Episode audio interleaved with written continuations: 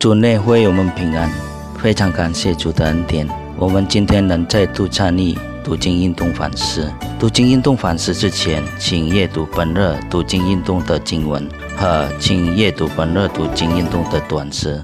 弟兄姐妹们平安，我们感谢上帝的带领。到如今，我们还是仍然在他的保守里，他看顾我们。如果你跟我见面的时候，意思是我们已经进入新的一个月，我们已经进入了三月份。我们要感谢主，这个两个月以内，主耶稣、上帝与我们同在，保守保护我们。许多事我们面对的有困难、有辛苦的时候，上帝不离开我们。那今天我们也要同样的思想，在欧巴底亚书。怎么样？上帝保守保护以色列人，他的子民。我们一起做一个祷告。主耶稣，我们到你的面前，我们要恳求你带领我们，圣灵与我们同在，使我们读经的时候，我们思想你的话的时候，圣灵带领我们，使我们可以明白，甚至在我们的生活上上。你带领我们，圣灵也与我们同在，给我们能力、智慧，把你的话行在我们的生活上。感谢加美尼，奉耶稣基督的名祷告，阿门。我们要一起来读欧巴蒂亚书。欧巴蒂亚书只有一章，讲到以东的事，以东怎么样对他的兄弟以色列人。以东是以扫的后裔，以色列的是雅各的后裔。其实他们是兄弟，但是我们可见在圣经，以色列跟以东永远不和，每一次是一起在一打架、征战、打仗。那我们要一起来看，上帝对以东讲他们的未来怎么样？怎么样？他们？他们怎么样对以色列人？上帝会怎样对他们？我们要一起来读《欧巴底亚书》第十节、十二节和十五节，只有三节呀，十、十二、十五节。《欧巴底亚书》第一章第十节：因你向兄弟雅各向强暴，羞愧必遮盖你，你也必永远断绝。小杰，你兄弟遭难的日子，你不当瞪眼看着；有大人被灭的日子，你不当因此欢乐。他们遭难的日子，你不当说狂告的话。守节，耶和华将法的日子临近万国，你怎样行，他也必照样向你行。你的报应必。跪到你头上，弟兄姐妹们，我们在我们的生活上，我们可见呀，怎么样？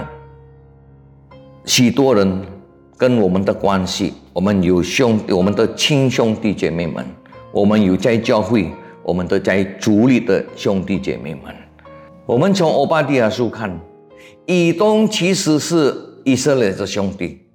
他是以色列正在在打仗的时候，跟巴比伦打仗的时候，以东不是去帮助他的兄弟以色列人，他去帮助以色列人的仇敌，他去帮助巴比伦。以色列人跑的时候，因为他们打仗，他们输了，他们跑，以东人来抓他们，然后杀死他们。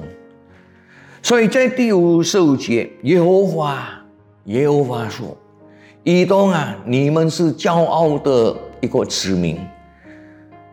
你以后你的未来有一天，你怎样对以色列行，上帝也必照样行对他们行。然后上帝也说：你的报应必归到你头上。”弟兄姐妹们，在我们的生活上，有和许多人呀，对我们不好，攻击我们，在我们的背后讲坏事，呀，甚至批评我们，我们怎么样对对他们？是不是我们也要攻击他们？我们也要讲啊，上帝，为什么我们兄弟姐妹们，甚至在教会的弟兄姐妹们是这样，是可以对我们？我们常常我们生气，我们也要抱怨，我们要报仇。但是上帝不愿意我们这样做，我们要把一切交托给上帝。弟兄姐妹们，在罗马书十二章十七节，上帝的话：不要以恶报恶，众人以为美的事，要留心去做。然后在在十九节，呃主说：深愿在我。我必报应。我们为他们祷告，他们对我们不好，他们有误会呀，他们攻击我们，讲我们的坏事。